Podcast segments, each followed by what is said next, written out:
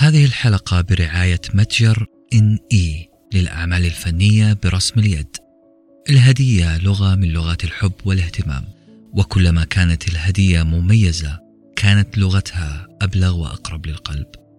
يشارككم متجر إن إي صناعة هذه اللغة من خلال رسومات يدوية أوثنتيك على قطع مميزة كالحقائب والأكواب والميداليات وصناديق التخرج والبروشورات أو حتى اللوحات الفنية. متجر إن إي للأعمال الفنية. الفن اليدوي هدية نوعية تعبر عن اهتمامكم بمن تهدون. رابط المتجر في وصف الحلقة.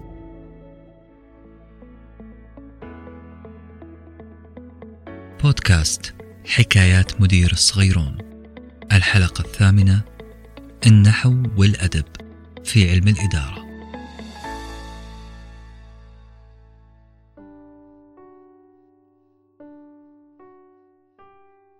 قال الشاعر أحمد شوقي في أحد أبياته مدحا للغة العربية إن الذي ملأ اللغات محاسنا جعل الجمال وسره في الضاد. اللغة العربية هي لغة القرآن الكريم وتتميز عن باقي اللغات بعلوم عدة منها علم البيان والبلاغة النحو والأدب وغيرها. خلونا اليوم نركز هنا على فرعين علم النحو والأدب. علم النحو اللي يسمى أيضا بعلم الإعراب له فروع منها ما يسمى بالمنصوبات وأشهر المنصوبات ظرف الزمان والمكان وإذا جينا نتكلم عن علم الأدب فهو أحد أشكال التعبير الإنساني بأرقى الأساليب الكتابية. أصدقائي خلونا نرجع للإدارة. الإدارة بشكل عام تدور حول تحقيق الأهداف المرسومة. إحنا نبغى نحقق أهداف حددناها مسبقا. تحقيق هذه الأهداف يتم بالتوجيه الأمثل للموارد المتوفرة للمؤسسة. موارد مختلفة في طبيعتها لكن أهم هذه الموارد هي الموارد البشرية وإدارتها تحمل تحديات كبيرة أكثر من غيرها بالنسبة للمدراء طبعا والمسؤولين في التعامل معها أنت قاعد تتعامل مع بشر هؤلاء البشر لهم عقليات لهم مبادئ أمزجة نفسيات مختلفة ومن هذا المنطلق من منطلق صعوبة التعامل مع هذه الموارد البشرية نشأت نظريات كثيرة وعلوم مختلفة لتساعدنا في فهم هذا الجانب ولتساعد بالتحديد الإداريين والموظفين لتحقيق النجاح المطلوب في العمل التجاري.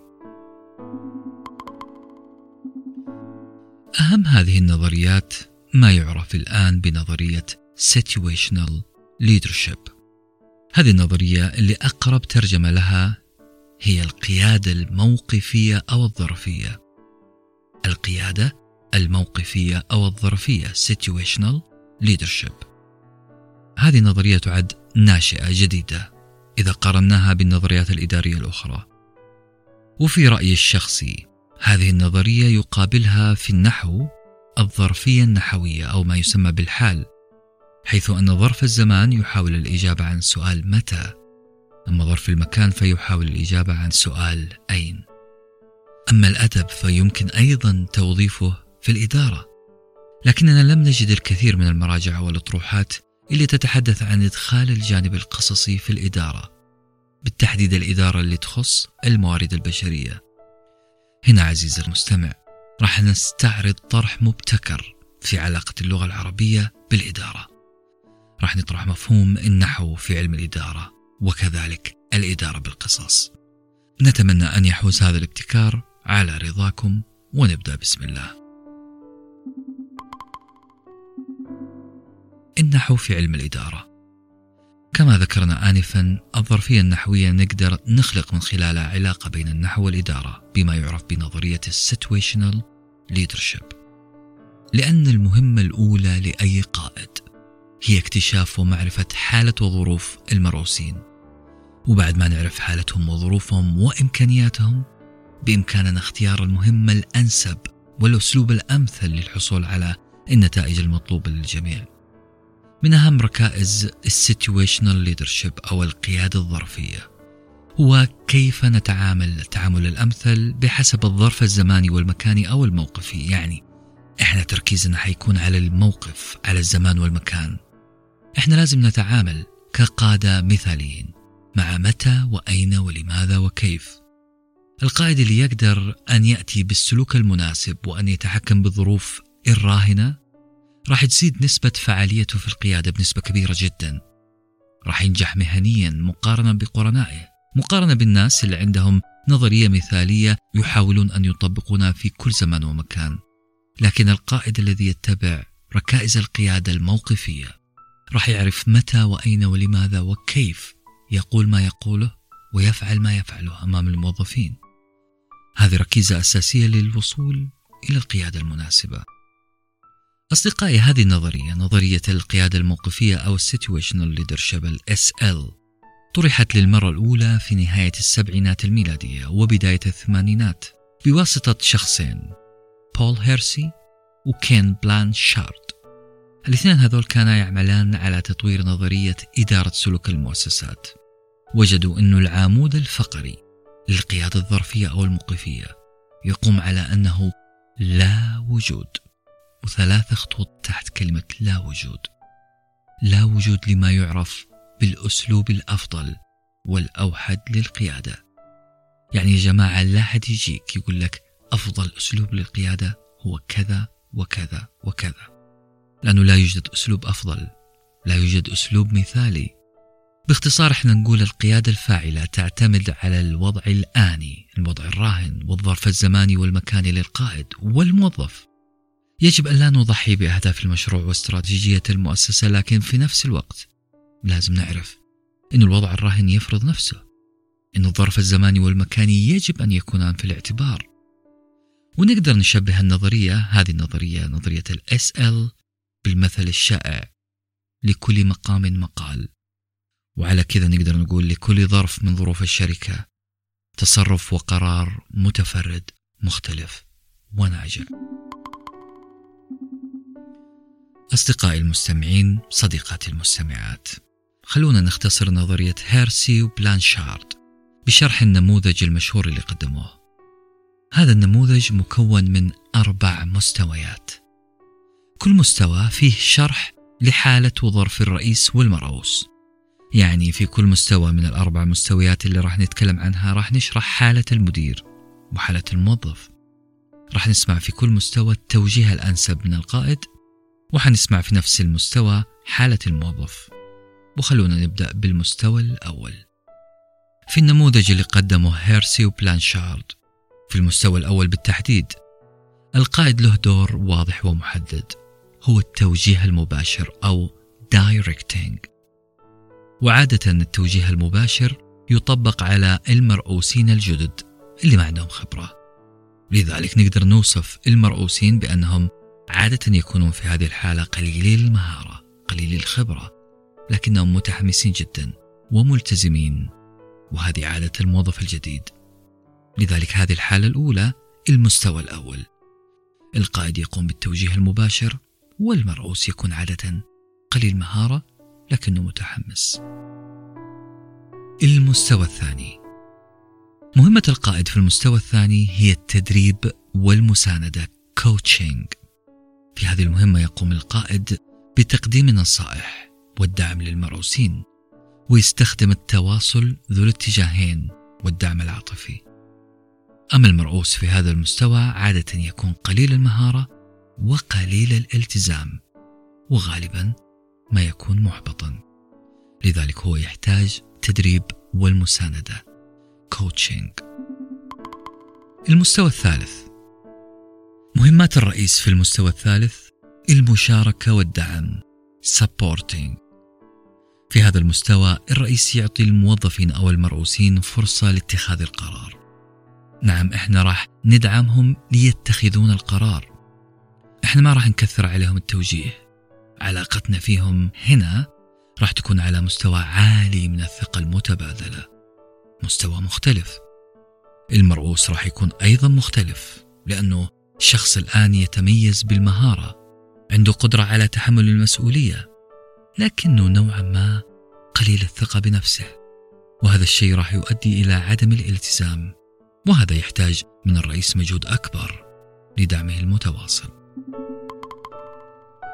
المستوى الرابع في هذا النموذج يقوم فيه القائد بدورين التمكين والتفويض delegating.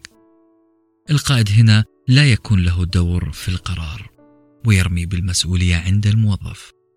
دور القائد هنا هو التفويض والمراقبة عن بعد. أما المرؤوس فأصبح شخص يمتلك المهارة عنده قدرة على اتخاذ القرار عنده ثقة وعنده التزام.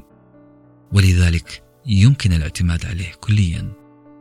هذا المستوى الرابع من مستويات نظرية هيرسي وبلانشارد. وقبل ما ننتهي من هذا النموذج خلونا نختم بعبارة كين بلانشارد اللي قال مفتاح القيادة الناجحة اليوم هو التأثير وليس السلطة. الإدارة بالقصص. أصدقائي ماذا لو أدخلنا القصص في الإدارة وخاصة عند تطبيق القيادة الظرفية وبالتحديد في المستويين الأول والثاني؟ هل راح ينجح هذا الأسلوب في حل بعض المشكلات الإدارية؟ هل سيعمل على تحفيز الموظفين؟ هل سيساعدنا على التوجيه الأمثل للموارد البشرية؟ خلونا نتذكر المستويين الأولين في الإدارة. احتمال نكون نسيناها. المستوى الأول هو ال directing التوجيه المباشر. والمستوى الثاني هو ال coaching التدريب والمساندة. في هذين المستويين ماذا لو استخدمنا القصة لمساعدة المرؤوسين؟ شيء طبيعي أن نقول أن أسلوب القصص هو منهج رباني ورد في القرآن الكريم والسيرة النبوية هو منهج أثبت نجاحه مما يؤكد على أهمية القصص في التوجيه والتأثير المبكر والفعال على المتلقي. الجانب القصصي يمكن تطبيقه على الرغم من تفاوت مستويات المتلقي يعني المرؤوس يمكن يكون شخص متعلم جدا شخص أقل تعلما أقل خبرة أقل ثقة فيختلف تأثير القصة على المتلقي لكن لا يمكن أن ننكر أن القصة مؤثرة على الجميع. وفي رأيي الشخصي أجده اليوم شيئا متمما لم يستغل الاستغلال الأمثل في علم الإدارة. وفي إدارة الموارد البشرية بالتحديد مع العلم أنه أغلب كتب التنمية البشرية الحديثة تبنى على القصة عشان توضح الفكرة بل عشان تثبت القصة في عقل وذهن وبالتحديد العقل اللاواعي للقارئ. لما لا نطبق هذا المفهوم أثناء المناسبات والأوضاع الإدارية زي مثلا اجتماعات العصف الذهني أو في التقييم الدوري أو التدريب أو التوجيه. من أهم القصص الفاعلة في الإدارة هي قصص السابقين الناس اللي مروا بتجارب وعوائق شخصية أو حتى قصص تراثية ذات مغزى. هذه القصص تواكب الحدث أو المناسبة وما هي قصص لمجرد الإقحام أو استعراض مهاراتنا في الإلقاء. لا هي ما هي مجرد ملء للوقت بل هي أساس من أساسات التوجيه والتدريب. وبالمثال يوضح المقال. ماذا لو سردنا قصة المخترع أديسون عندما طرد من المدرسة؟ ماذا لو قصصنا تعامل والدته الرائع مع الخطاب المدرسي السلبي؟ هذه القصة نقدر نقولها لقائد جديد. نفهم كيف طريقة التعامل الإيجابي مع الموظفين مع بعض السلبيات التي تصدر من الموظفين. قصة يوسف عليه السلام تصلح لتحفيز مدير المشاريع بالتحديد في كيفية إدارة الموارد. قصة موسى عليه السلام مع أخيه هارون قد تنير المتلقي عن أهمية مهارات التحدث والقصص لا تنتهي سواء دينية سواء تاريخية أو حتى إدارية وشخصية. نكتفي بما سبق من الأمثلة لضيق المقام هنا. أصدقائي في النهاية نقول مما أكد لي نجاح هذا المفهوم مفهوم استخدام القصص في الإدارة هو ما وجدته شخصيا في الإقبال الهائل من فئة الشباب لإحدى الندوات في مبادرة تجربتي. هذه المبادرة كانت قبل مدة وكان الإقبال كبير جدا على كتب السير الذاتية. واضح من هذا الإقبال الكبير على السير الذاتية أن المبادرة بنيت على مبدأ القصة وأن الناس عندها إقبال كبير على مبدأ القصة. القصص يبقى أثرها مدة طويلة وتتوارد من جيل إلى جيل ولا ننكر ما للقصص من أثر كبير علينا. وأكاد أجزم أن كل شخص فينا مرت عليه قصة وهذه القصة كانت سبب لحدوث شيء إيجابي في حياته ولا زال يتذكرها. انتهت حكايتنا اليوم ولن ننسى أن نذكركم أن شعار البودكاست والعلم من الرأس إلى البودكاست. وفي أمان الله.